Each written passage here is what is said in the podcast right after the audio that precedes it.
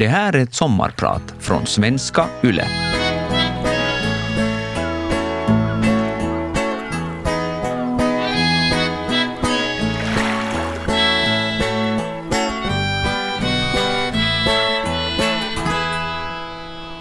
På den översta hyllan i mitt klädskåp ligger en bunt gulnade exemplar av Hufvudstadsbladet. Tidningarna är från vintern 1966 och när jag slår upp första sidan av årets första tidning den 2 januari läser jag följande nyhetstext. Två personer innebrändes och tre skadades vid en brand i ett radhus i Södra Haga på nyårsnatten.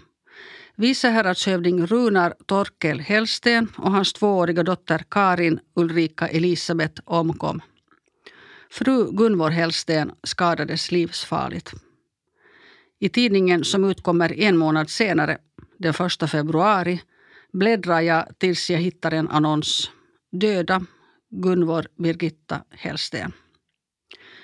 Tidningsnotiserna handlar om min pappa, min lilla syster och min mamma. Jag är en av de två flickorna som överlevde den förödande branden. När jag läser de här notiserna fylls jag ännu idag, 55 år senare, av vemod och längtan men också av insikten om att man kan klara sig i livet trots tragiska upplevelser i barndomen. Mitt namn är Annika Hellsten. Jag är journalist på Hufvudstadsbladet, den tidning som skrev om eldsvådan i min barndom. Och idag är jag din sommarpratare. Jag kommer att prata om sorg och saknad och om olika sätt att tackla sorg. Men också om underhållande möten i reportervardagen.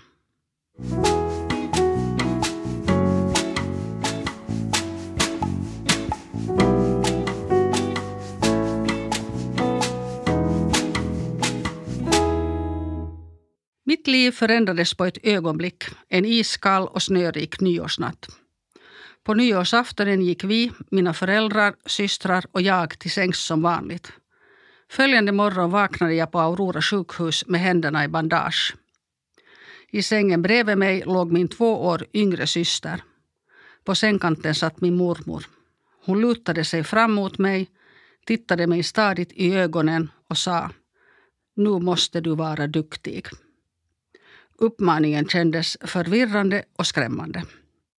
Då visste jag varken att pappa och min tvååriga yngsta syster var döda eller att mamma kämpade för sitt liv på ett annat sjukhus.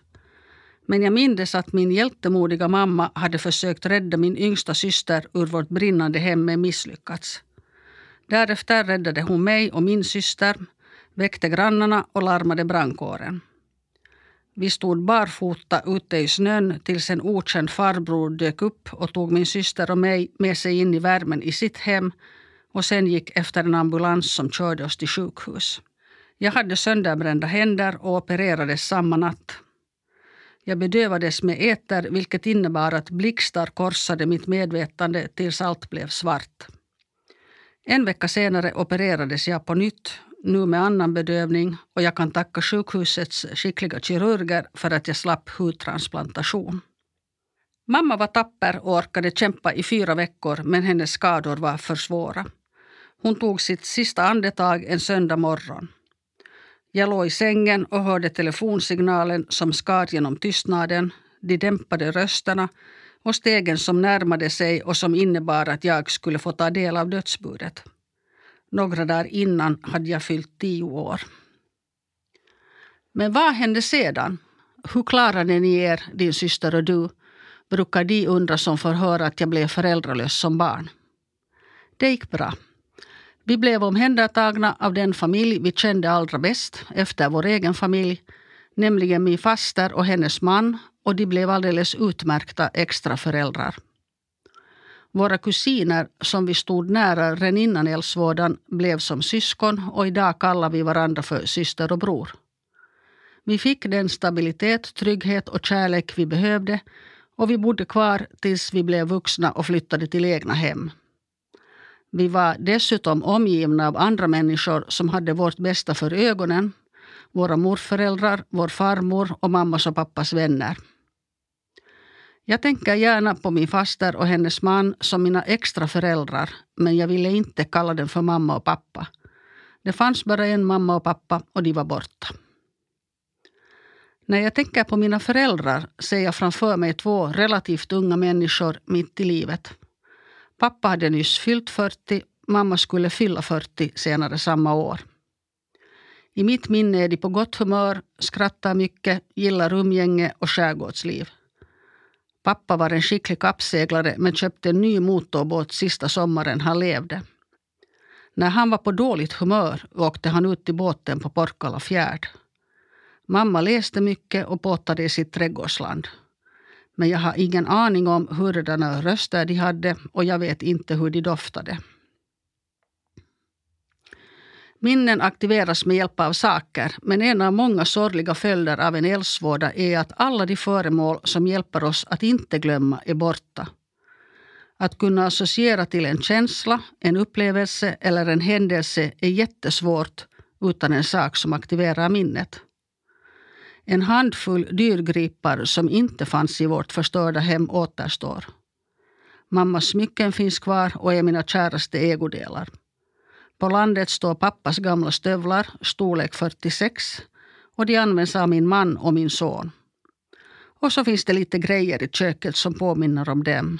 En fin bestickserie som de fick i bröllopsgåva till exempel. Min mormor förstod vikten av ett fotoalbum. Våra egna familjealbum var förstörda men hon lät kopiera sina foton och gjorde varsitt album åt min syster och mig. Albumet var en tröst och när jag var yngre tittade jag mycket på fotografierna av vår familj innan eldsvådan. Mitt förhållande till eld är förstås en komplicerad historia. Jag har vant mig vid brasor både inomhus och utomhus och tänker inte automatiskt längre på den eldsvåda som dödade mina föräldrar när jag ser lågor. Men jag är urusel på att själv tända en brasa och jag läser inte nyhetsartiklar om eldsvådor. När tidningarna fylldes av rapporter om den förödande diskoteksbranden i Göteborg för drygt 20 år sedan undvek jag alla artiklar utom en. Den handlade om att vården av livsfarligt brännskadade människor hör till de få områden inom medicinen som inte har utvecklats sedan 1960-talet. Jag insåg att mamma aldrig hade haft en chans. Varifrån hon tog kraften att kämpa fyra veckor är en gåta men hon gjorde det för sina döttrars, min systers och min skull. Med saknad är det som med sorg. Man vänjer sig, men man bär den alltid inom sig. När jag själv fick barn högg saknaden till. Jag visste att mina föräldrar som varit så stolta över sina tre döttrar hade pöst av lycka över att bli morföräldrar och jag hade så gärna unnat dem den glädjen. Och när jag tittade på min lilla förstfödda dotter plågades jag av tanken på hur smärtsamt det måste ha varit för mamma att veta att hon skulle lämna två föräldralösa flickor efter sig om hon dog.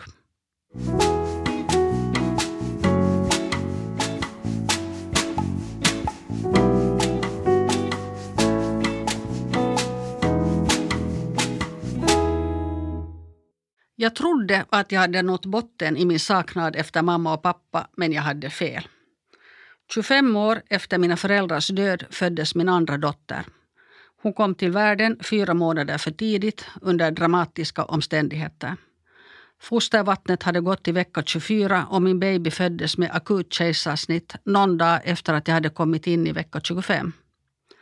Babyn var frisk, men hon var liten och vägde drygt 700 gram. Läkarna varnade mig för alla komplikationer som kunde uppstå och sa att vi måste ta en dag i sänder. Jag var rätt dålig själv och vårdades på kvinnokliniken i Helsingfors. Varje dag hasade jag mig fram i de långa underjordiska gångarna som förband kvinnokliniken med barnkliniken. Det blev många ensamma timmar vid kuvösen på barnklinikens intensivavdelning. Medan jag satt där insåg jag att jag nu saknade min mamma mer än någonsin. Jag hade velat ha henne där bredvid mig och velat att hon skulle ha tröstat mig och försäkrat mig att allt skulle bli bra. Utan mina trofasta och pålitliga syskon och vänner undrar jag hur det hade gått. Mina äldsta och bästa vänner ringde dagligen. De förstod intuitivt att det viktigaste inte var vad de sade utan att deras värdefulla insats var att lyssna. Och så fanns ju rökrummet. Vi vet alla att ett rökrum på ett sjukhus inte längre passar sig. Men år 1991 fanns det ett rökrum på kvinnokliniken och där samlades vi som inte hade förunnats en lycklig förlossning. Kvinnorna i rökrummet hade förlorat sina barn, de hade opererats och skulle aldrig kunna få barn eller de hade barn som i likhet med mitt barn var svårt sjukt och fanns på ett annat sjukhus. Iklädda sjukhusets slitna morgonrockar med identiska mönster rökte vi, anförtrodde varandra våra historier och sökte stöd och styrka. Vi var alltid anonyma och jag har aldrig träffat någon av mina olyckliga medsystrar igen men jag har tänkt mycket på dem genom åren. Min lilla baby klarade sig bra i en vecka men därefter gick hennes tillstånd upp och ner och blev sedan successivt sämre. Jag läste in mig på vilka kroniska sjukdomar som var sannolika ifall hon överlevde men det visade sig vara onödigt. Mira dog en månad efter att hon hade fötts. Det råkade bli på internationella kvinnodagen. Dagen innan hade läkarna informerat mig och hennes pappa om att läget var så illa att det var dags att avbryta intensivvården. Jag frågade vilka chanser min baby hade att överleva utan kuvös och respirator. Sannolikheten var 5 procent, svarade de och jag klamrade mig fast vid siffran övertygad om att min dotter skulle vara så stark. Det var hon givetvis inte. Hon somnade in i min famn alldeles lugnt och stilla. För min äldre dotter var det en chock att den lilla syster hon så hett hade längtat efter dog. Jag var mammaledig hela den våren trots att jag inte hade något spädbarn att ta hand om och jag försökte trösta både henne och mig själv. Hur kan livet vara så orättvist att den som förlorar sina föräldrar som barn också ska tvingas förlora sitt barn som vuxen? frågade jag när jag hade ett möte med Miras läkare på barnkliniken. Den som är stark uthärdar mycket och drabbas ofta hårdare, svarade hon. En dag ringde telefonen, cirka två månader efter Miras död. I andra änden av linjen fanns en dam från befolkningsregistret som barskt undrade varför jag inte hade anmält min baby till registret. För att hon är död, svarade jag och det blev tyst innan damen skyndsamt tackade för sig. Vardagen med min dotter, min familj, mina vänner och barnklinikens samtalsterapeut hjälpte mig genom våren. Och damen på begravningsbyrån fällde de oförglömliga och tröstande orden efter att tyst ha studerat gravbrevet där namnen på dem som ligger i vår familjegrav är upptagna. Så den lilla ska vila bredvid sin morfar, hon. Jag kände honom och vet att hon får det bra, sa damen och jag visste att jag aldrig skulle glömma de orden. Det visade sig att min pappa och damen på Armasborgs begravningsbyrå hade lekt i Frälsningsarméns lekskola som barn. Mina farföräldrar var båda aktiva officerare i Frälsningsarmén. Ett år efter att Mira hade dött föddes min son. Han lever, tänkte jag när jag tittade på min sovande gosse under hans första natt i livet på kvinnokliniken. Hjärtat slog volter av glädje.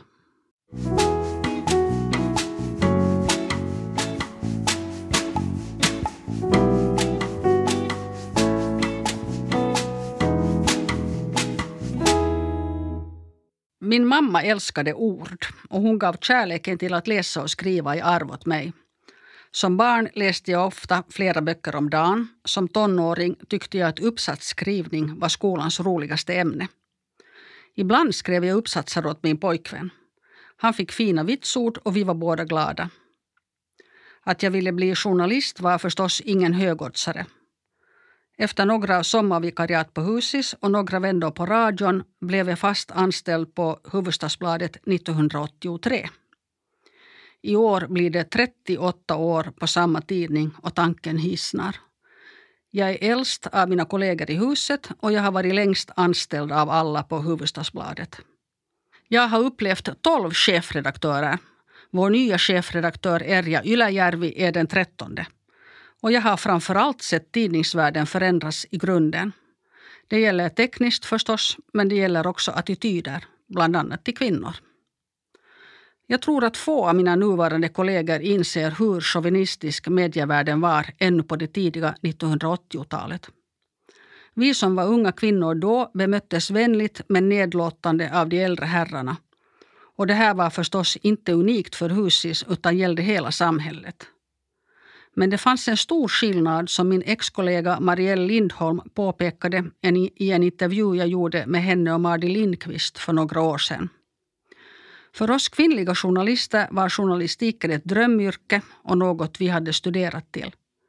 Medan många av de äldre manliga journalisterna hade misslyckats med att göra karriär inom juridiken, medicinen eller industrin, alltså typiska högstatusbranscher. De här manliga journalisterna hade landat i mediebranschen, inte för att journalistik var deras önskejobb, utan i brist på andra alternativ. Och många av dem var missnöjda med sina liv. Rubriken på artikeln var Kvinnans väg till ordet och den publicerades i Hufvudstadsbladets jubileumstidskrift som vi gav ut inför tidningens 150-årsjubileum år 2014. Som nybliven journalist på Husis sysslade jag med nyhetsarbete och reportage. Det var roligt och omväxlande. Jag fick jaga spioner, bevaka statsbesök, göra artikelserier om våld, narkotika och barn och vara reporter på stora idrottsevenemang som VM i skidsport och EM i friidrott. När min vän och kollega Staffan Brun, som nyutnämnd redaktionschef i mitten av 1990-talet, ville att jag skulle bli nöjesredaktör sa jag först nej med motiveringen att det var ett jobb utan status. Sen tänkte jag efter och insåg att arbetet innebar frihet. Jag kunde själv bestämma vad jag gjorde. Vi grundade en avdelning som hette Panorama. Jag intervjuade kändisar, många av dem kulturarbetare, bevakade kungligheter och gjorde mingelreportage. Som societetsreporter ute i vimlet med en fotograf vid min sida upptäckte jag att folk gärna ville synas på bild i tidningen så länge ämnet var ofarligt. Men om jag ville göra en längre intervju med en finlandssvensk kändis om till exempel ätstörningar, en besvärlig skilsmässa, homosexualitet eller något annat känsligt ämne var svaret oftast nej. Varför måste du alltid vara så jobbig, utbrast en kvinnlig storstjärna en gång. Det finlandssvenska sammanhanget är så litet och vi vill alla gärna framstå som framgångsrika och obekymrade. Den fåtaliga finlandssvenska kretsen var en anledning till att jag efter några år slutade göra mingelreportage. Samma kändisar var inbjudna till alla mingel och det blev enformigt med ständigt samma ansikten. Däremot ville jag göra personporträtt.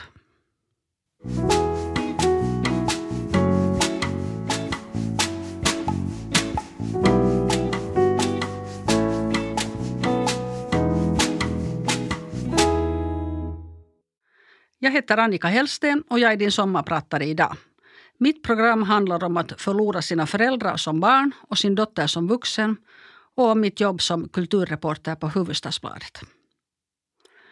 Vilken berömd person skulle du helst intervjua ifall du fick välja fritt bland levande och döda? undrade Mark Levengood en gång. Jag hade mött honom på flygplatsen och gjort en intervju i taxin på väg in till centrum. Nu var vi klara och avverkade de sista minuterna av resan genom att ventilera våra drömprojekt. Jackie Kennedy, svarade jag. Det här är mer än tio år sedan men Jackie Kennedy ligger fortfarande högt på listan. Hennes två makar John F Kennedy och Ari Onassis hade förstås också varit attraktiva intervjuobjekt, liksom Nelson Mandela. Jag hade velat veta om Jackie Kennedy på riktigt någonsin var lycklig varför hon gifte sig med Ari Onassis och hur hon uppfostrade sina två barn, Caroline och John. Idag vill vi helst inte tänka på paret Trumps tid i Vita huset. Men visst hade det varit intressant att få en intervju med Melania Trump. Jag hade velat fråga henne om hon verkligen älskar Donald Trump eller om hans förmögenhet är en förutsättning för kärleken. Och hur är det egentligen med alla de plastikoperationer som jag misstänker att Melania Trump har gjort? Gör hon dem för sin skull eller för sin makes skull? Personporträtt har blivit ett av mina specialområden och jag har förstås undrat vad det beror på. En förklaring är att jag gillar människor och tycker om att sitta och fråga ut folk. En annan är att jag är nyfiken och det måste man vara om man ska göra en personintervju. Man måste våga fråga jobbiga frågor och man måste stå ut med att en del av dem man intervjuar inte tycker det är kul. Jag har träffat rätt många kändisar och de kan vara motsträviga intervjuobjekt. Det beror på att de ofta övertalas till eller tvingas ställa upp på intervjuer av sin manager eller av arrangören för en konsert eller något liknande. Modeskaparen Tommy Hilfiger gav en intervju i Köpenhamn inför en modevecka där han lanserade en ny kollektion. Vi var många journalister i kö och Hilfiger brydde sig inte om att dölja att han var uttråkad. Men jag har fått intervjua många kända, begåvade, roliga och pratsamma kulturarbetare. Henning Mankel var en av dem. Henning Mankel och jag gjorde flera intervjuer ihop, både som scensamtal och för Husis. Men den intervju som blev bäst handlade varken om Kurt Wallander eller Mankels andra hemland, Mosambik. I en brittisk tidning hade jag läst att Henning Mankel växte upp utan sin mamma så jag frågade honom om det var sant och vad som hade hänt. Henning berättade att hans mamma hade lämnat honom och fadern när han var i fyra femårsåldern och att han växte upp med sin pappa. Han träffade inte sin mamma på mer än 15 år men han saknade henne våldsamt. Som vuxen tog han kontakt med modern som då bodde i Stockholm. Mor och son stämde träff på ett konditori men när Henning närmade sig bordet där den efterlängtade mamman satt sträckte hon avvärjande ut händerna och sa Kom inte närmare, jag är förkyld. Det blev för mycket.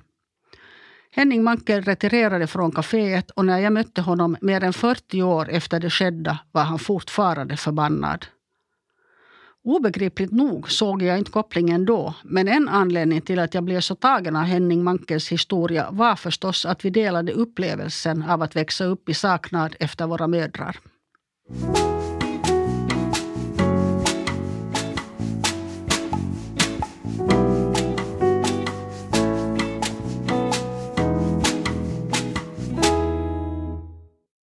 Liv Ullman kom till Helsingfors som regissör när scenuppsättningen av Enskilda samtal sattes upp i Esbo. Hennes dotters, Linn Ullmans roman De oroliga hade kommit ut året innan och i den tecknar Linn Ullman ett föga smickrande porträtt av sin mamma. Jag oroade mig för att Liv Ullman inte skulle vilja berätta vad hon tyckte om sin dotters roman, men det hade jag inte behövt göra. Utan omsvep erkände Liv att boken hade varit smärtsam läsning men att Linn hade rätt i sin version och att det måste vara grundprincipen i ett konstnärligt arbete. Linn och Liv Ullman råkade befinna sig i Helsingfors samtidigt eftersom Linn Ullman uppträdde på Helsingfors bokmässa. Enligt de rykten som cirkulerade på mässan försonades mor och dotter över en middag på någon av Helsingfors bättre krogar. Jag är en av alla de miljoner som älskar Francis Ford Coppolas filmtrilogi Gudfadern. Men aldrig hade jag trott att jag skulle få möta Coppola i egen hög person. Coppola kom till Finland inbjuden av Aalto-universitetet och Nationella filminstitutet och en handfull journalister erbjöds möjligheten att få prata med honom på tu man hand i 20 minuter. Iförda munskydd satt Coppola och jag i Kino Reginas ödsliga biosalong. Coppolas assistent var med men blandade sig inte i intervjun. Intervjun blev minnesvärd eftersom vi kom att ägna en stor del av den åt att diskutera Gustav Nybom, helsingforsare som grundade den vingård i Napa Valley i Kalifornien som Coppola idag äger.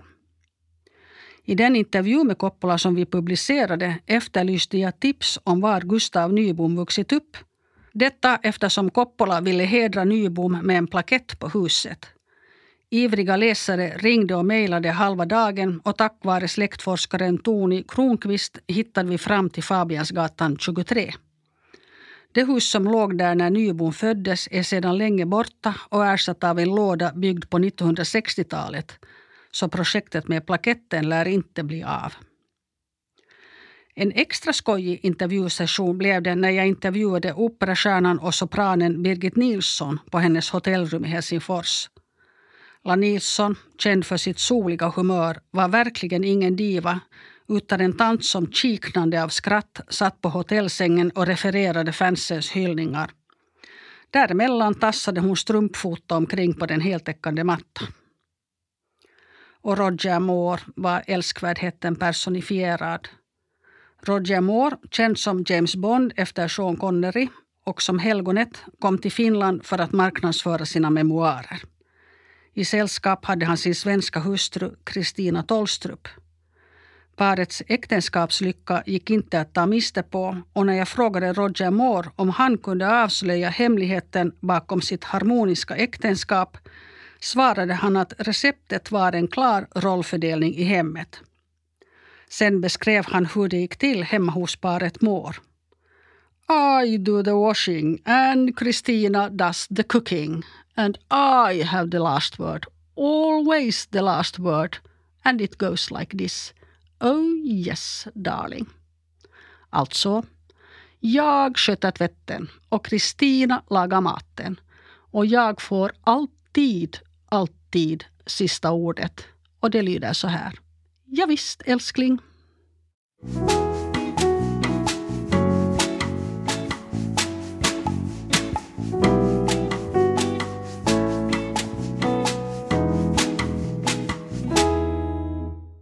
Kungligheter och jag är ett eget kapitel. Jag har varit road av kungligheter sedan jag var barn och har en ganska bra koll på hur representanterna för Europas olika kungahus är släkt med varandra. Ett av mina roliga minnen av mamma är när vi tillsammans tittade på bröllopet mellan den danska prinsessan Anne-Marie och Greklands kung Konstantin i TV. Då var jag åtta år. Sen mer än 25 år är jag Hufvudstadsbladets hovreporter vilket bland annat innebär att jag bevakar de kungliga statsbesök och andra besök till Finland plus nyhetsarbete kring kungliga äventyr och skandaler. Att rapportera om kungliga statsbesök är inte glamoröst ifall någon tror det. När en kunglig person är i Finland är hen viktig att bevaka och beroendet mellan kungligheter och press är ömsesidigt. Medierna vill ha en artikel eller ett radio eller tv-inslag eftersom publiken är intresserad. Och kungligheterna vill synas i pressen eftersom det bevisar att de jobbar för apanaget, vilket innebär att de marknadsför sitt land. Vi journalister parkeras alltså bakom ett rep. Där står vi kanske en halvtimme innan kungligheten i sällskap av sina värdar defilerar förbi på andra sidan snöret och flera meter ifrån oss. De flesta har numera lärt sig att de ska stanna upp en stund så att fotograferna hinner ta några bilder. Eventuellt hinner man som journalist hojta fram en fråga innan en jäktad kommunikatör kommer sättande och drar iväg med kungligheten. Jag har stått bakom så många rep vid det här laget i regn, snöslask och brännande sol att jag en gång föreslog för kollegan Rita Tainola att mina framtida memoarer ska få heta mina 40 år bakom repet. Undantaget när det gäller kunglig bevakning är drottning Elisabeth. När drottningen en gång kom till Helsingfors förpassades journalisterna till ett rep 200 meter längre bort. Vi såg aldrig hennes majestät. Ibland händer det att man får intervjua kungligheter utan att stå bakom repet.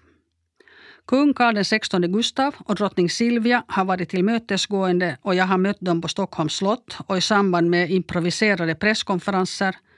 En gång på ett tåg när vi åkte mot Ekenäs och en gång i Borgå stadshus. Kronprinsessan Victoria, nyss fyllda 18, var med på Ekenäsresan men deltog inte i presskonferensen. Hon höll sig lite vid sidan om men i fiskas ramlade jag nästan över henne när hon hade ställt sig i ett hörn och jag, utan att ha sett henne, kom ångande. Jag blev så förvånad att jag inte hann samla mig innan adjutanten drog iväg med henne.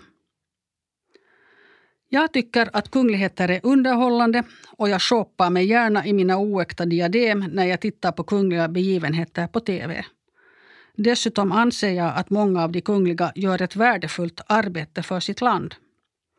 Men min inställning till monarki som statsform är ambivalent. Det är svårt att på 2000-talet försvara ett statsskick som innebär att landets statschef ärver sitt jobb. Min man tänker precis tvärtom. Han är svensk och bryr sig inte ett skvatt om vad medlemmarna av huset Bernadotte sysslar med. Däremot tycker han att Sverige i fortsättningen ska vara monarki och vi är överens om en sak. Kronprinsessan Victoria kommer att bli en bra drottning den dag det är hennes tur. I själva verket kan Victoria vara den svenska monarkins räddning. Victorias man, prins Daniel, är också imponerande. Han verkar inte ha några problem med att gå tre steg efter sin hustru, vilket tyder på stark självkänsla. Honom fick jag intervjua i ett klassrum i Drumsö svenska lågstadieskola en gång och mötte en prins utan divalatter.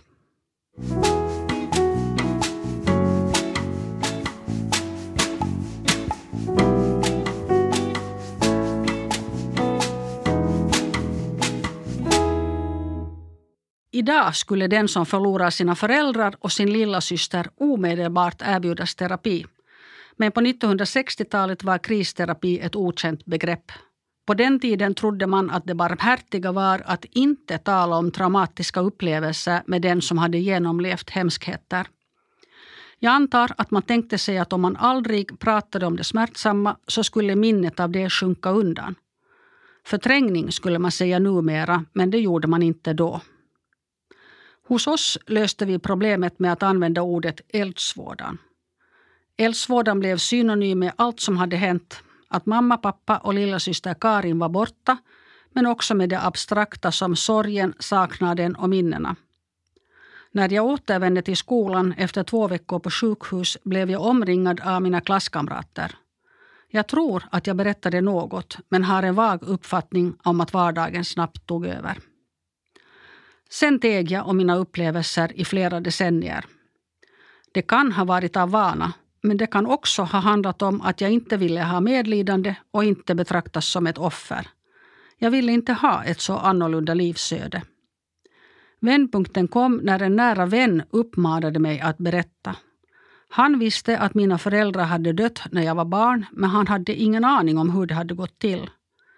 Jag berättade hela historien för honom och det var befriande.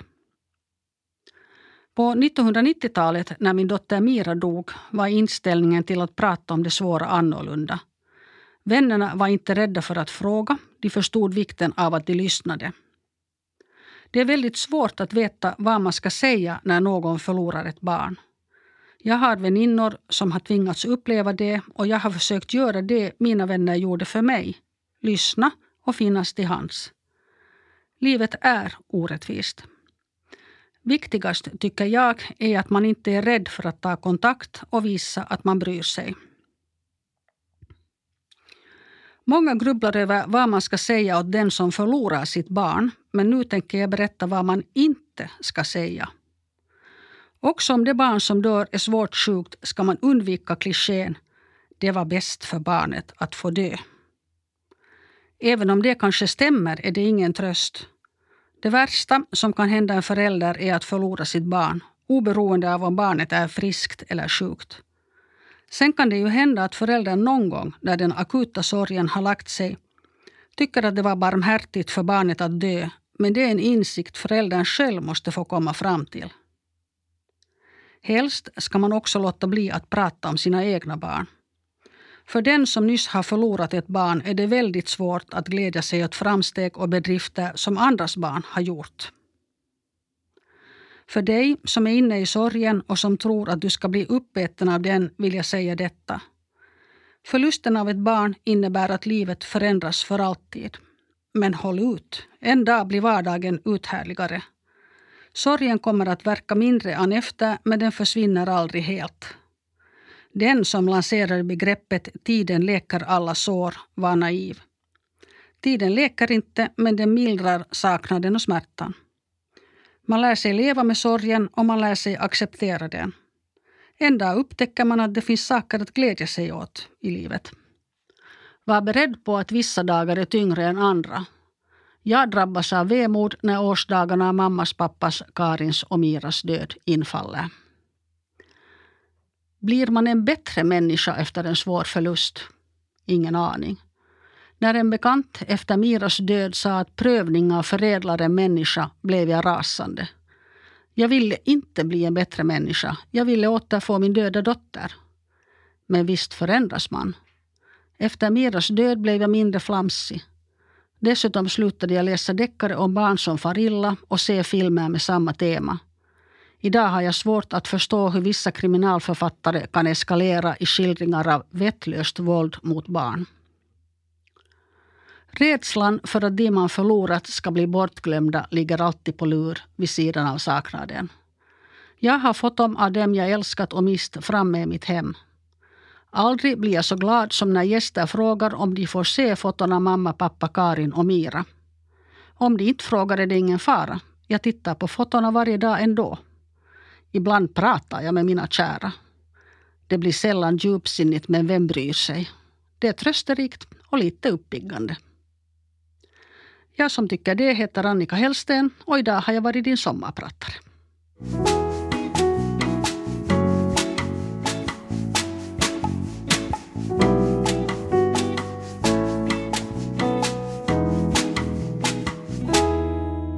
Vegas sommarpratare produceras för Svenska Yle av Parad Media.